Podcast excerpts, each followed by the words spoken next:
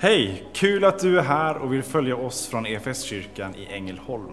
Du kommer nu att få se eller höra en predikan från en av våra gudstjänster. Har du några frågor eller vill veta mer om oss som kyrka så kan du alltid gå in på www.efskyrkan.info.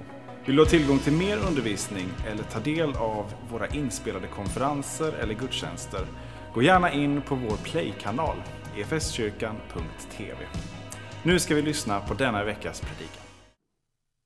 Det är så, kära vänner, att eh, det var en rörelse på jorden vid den här tiden. En rörelse som hade på något sätt upplevts av Israels folk liksom ligga nere rätt så många hundra år. Profetrösterna hade tystnat. Änglabesöken var liksom gjordes inte påminda men, men så plötsligt dyker de upp igen. Precis som vi fick höra i den underbara sången. Änglarnas budskap om fred på jord. De börjar liksom komma och besöka mänskligheten, Guds budbärare som börjar tala om att tiden är inne. Vi vet inte när de där vise männen från östern eh, begav sig iväg men stjärnan är kanske redan tänd och de har varit på resa en tid.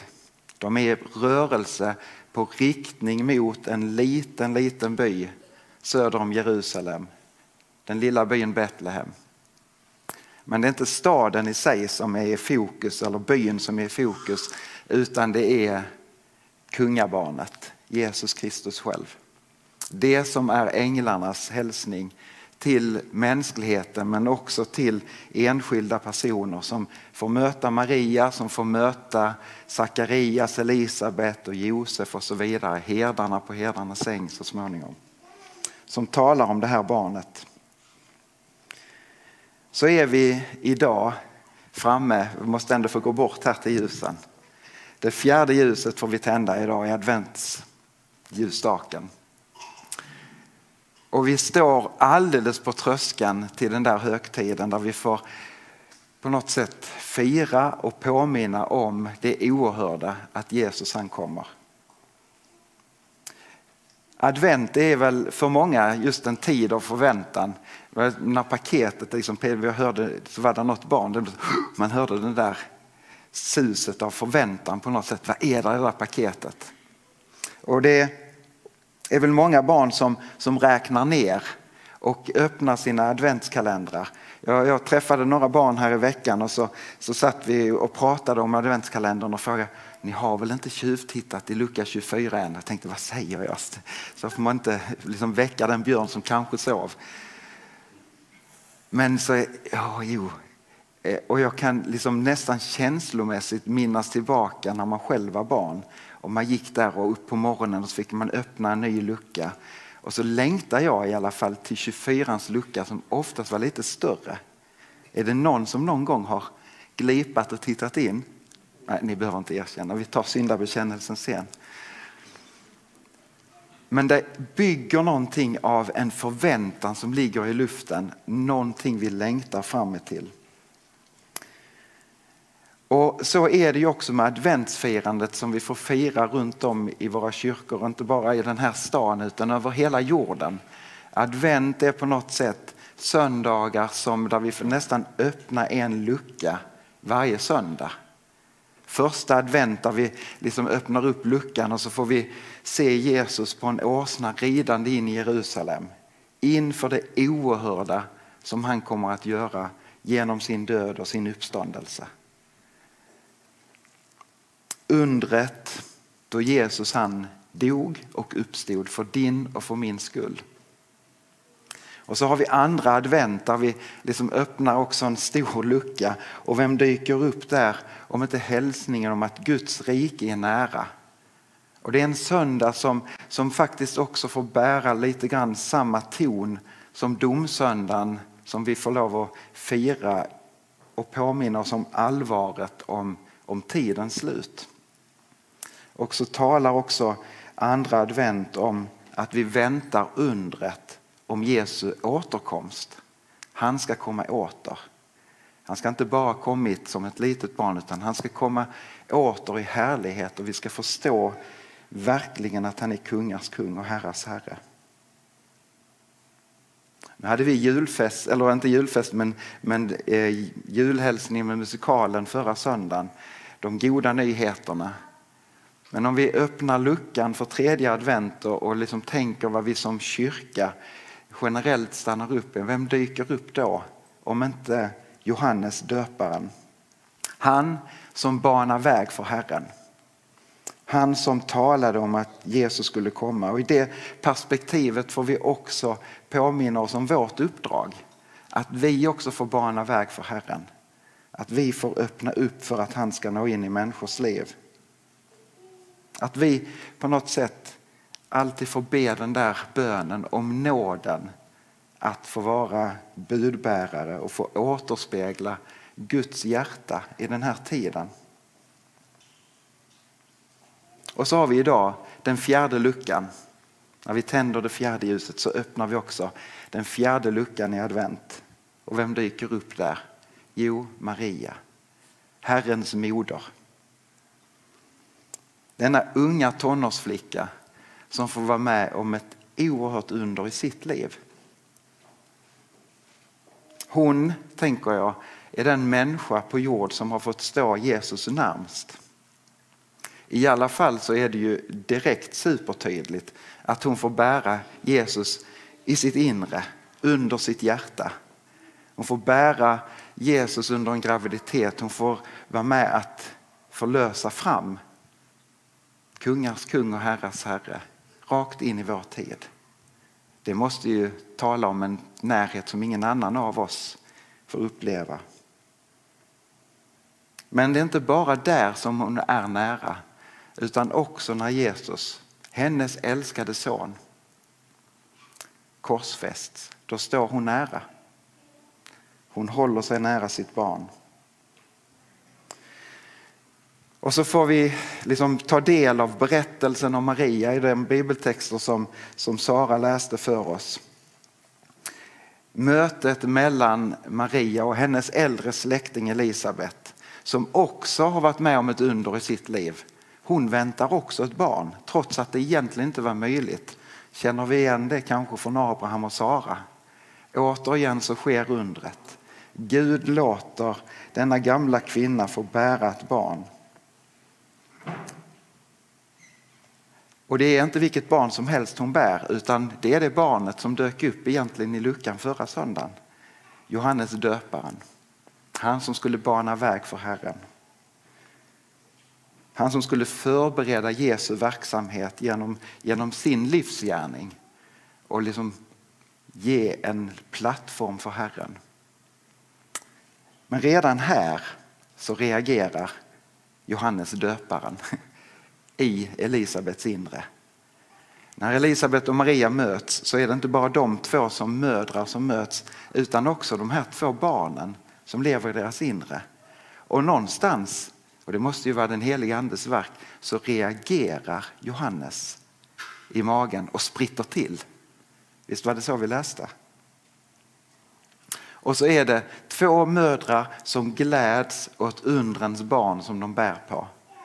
Men det är också så att de inser att det ena barnet av de här två barnen kommer till att bli en stor glädje för allt folk. Och faktiskt också en stor glädje för dig och mig. Och det gör sig uttryck. Och detta får, skulle vi fortsätta att läsa så skulle vi läsa Marias ljuvliga lovsång som hon brister ut i. Magnifikat som man uttrycker det. Det låter nästan som en skidskytt, magnifikat, men det är det ju inte. Utan det är Marias djupa lovsång från hennes inre av tacksamhet och glädje över det barn som hon bär.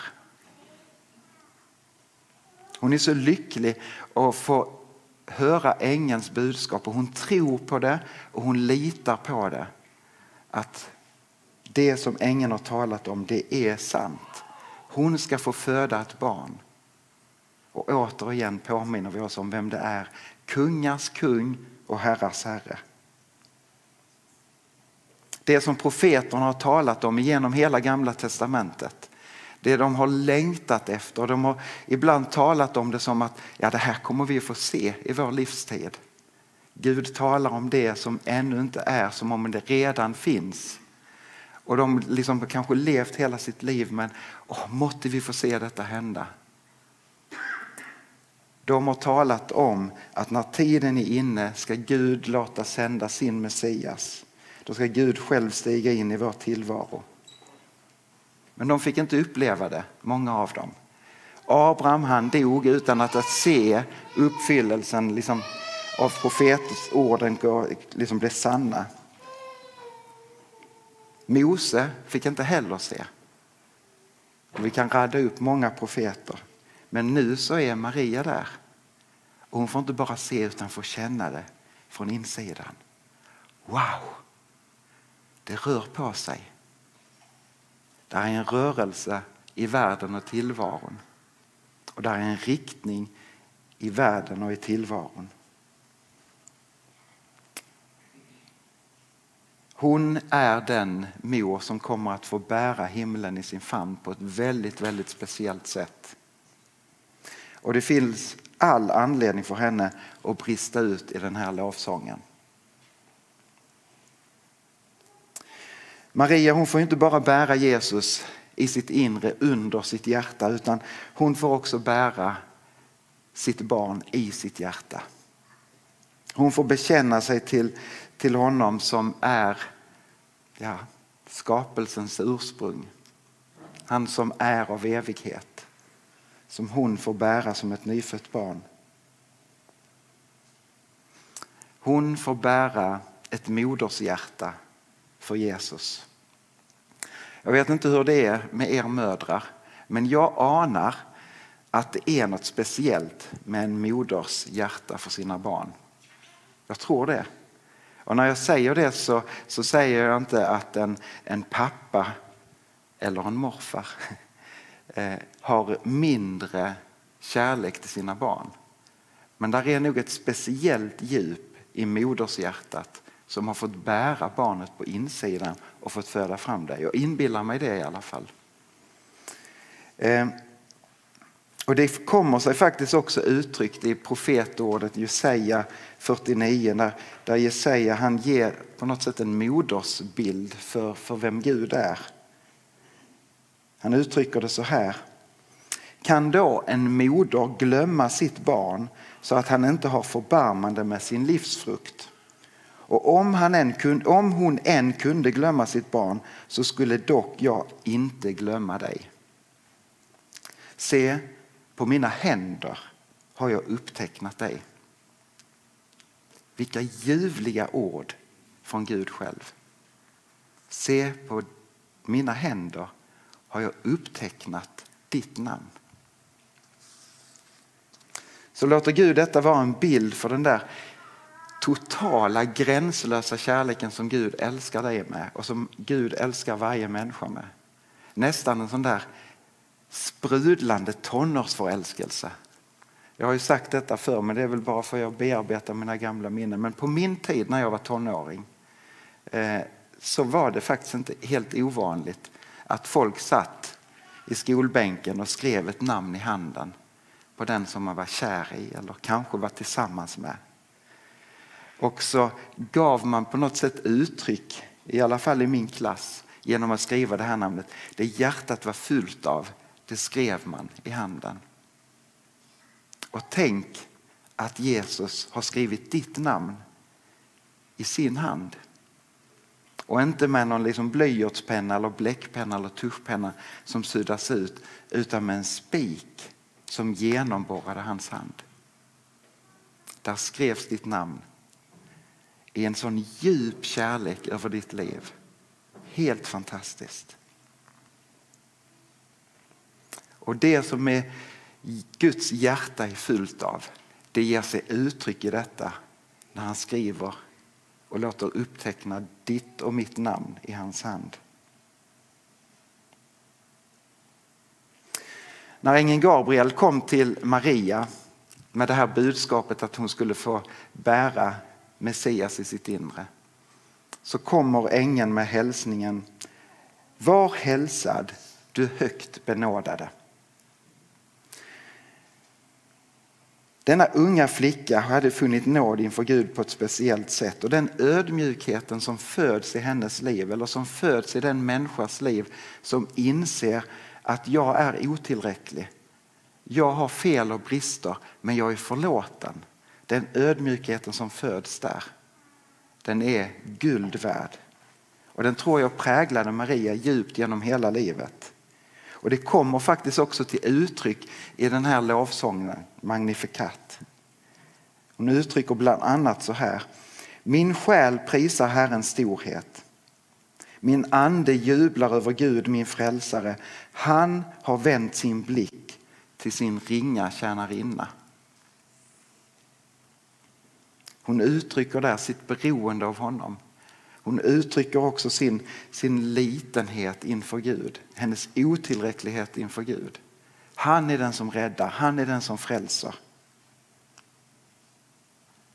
Och det finns anledning för henne att verkligen brista ut i lovsång. Men vet ni vad?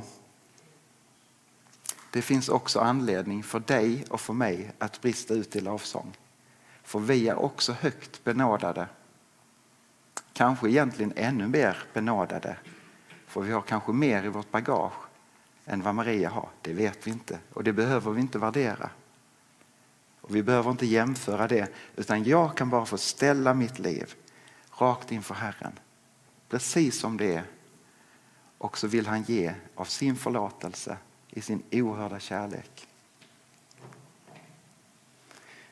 Och någonstans så tänker jag att vi faktiskt i vår syndabekännelse får säga att det är också en lovsång och en tillbedjan. Så vill du vara med och be syndabekännelsen tillsammans med mig så är du varmt välkommen att göra det. Barmhärtige Gud, du som i Kristus öppnar vägen till dig och utplånar världens alla synder. Jag ber dig Rena mig så blir jag ren. Hela mig så blir jag hel. Dra mig till dig så finner mitt hjärta ro. Tack Herre att du hör varje hjärtas tysta bön och bekännelse.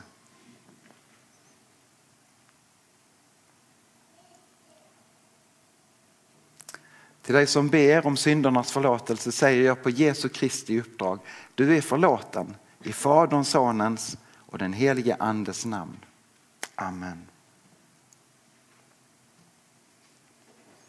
Maria hon fick bära Jesus under sitt hjärta och i sitt hjärta. Advent betyder Herrens ankomst. Och vi väntar på Herrens ankomst när han ska komma åter. Men vi får också vara så tacksamma för att han är en annalkande Gud ständigt. När vi får fira nattvarden idag tillsammans så får vi ta emot honom som omsluter oss på alla sidor och fyller oss från insidan. När du får ta emot gåvorna i bröd och vin så får du ta emot Kristus själv. Du får ta honom i ditt inre som en synlig symbol på att han bor i ditt inre. Tänk vilket oerhört under som sker igen. Han slår följe med dig genom hela livet. Och det är anledning till att stämma upp i lovsång och tillbedjan också i vår tid. När vi får komma fram så, så ligger den här fina, fina skulpturen med Guds händer, för det symboliserar, och det lilla barnet som får symbolisera dig. Och så får det vara en påminnelse om Psaltaren 139 som säger du omsluter mig på alla sidor och du håller mig i din hand. Så när vi tar emot gåvorna så tar jag emot dem med det löftet över ditt liv. Amen. Som kyrka är det en glädje att få spela en liten roll av allt Gud gör i och genom ditt liv. Vi vill gärna fortsätta följa dig på den resan. Och vill du ta reda på vad ditt nästa steg kan vara på din resa med Gud så gå in på efskyrkan.info nästa steg. Vår längtan är att få se människor och samhällen förvandlade av Jesus. Genom en kyrka som återspeglar Guds hjärta, bär varandra och betjänar människor varhelst vi befinner oss varje dag.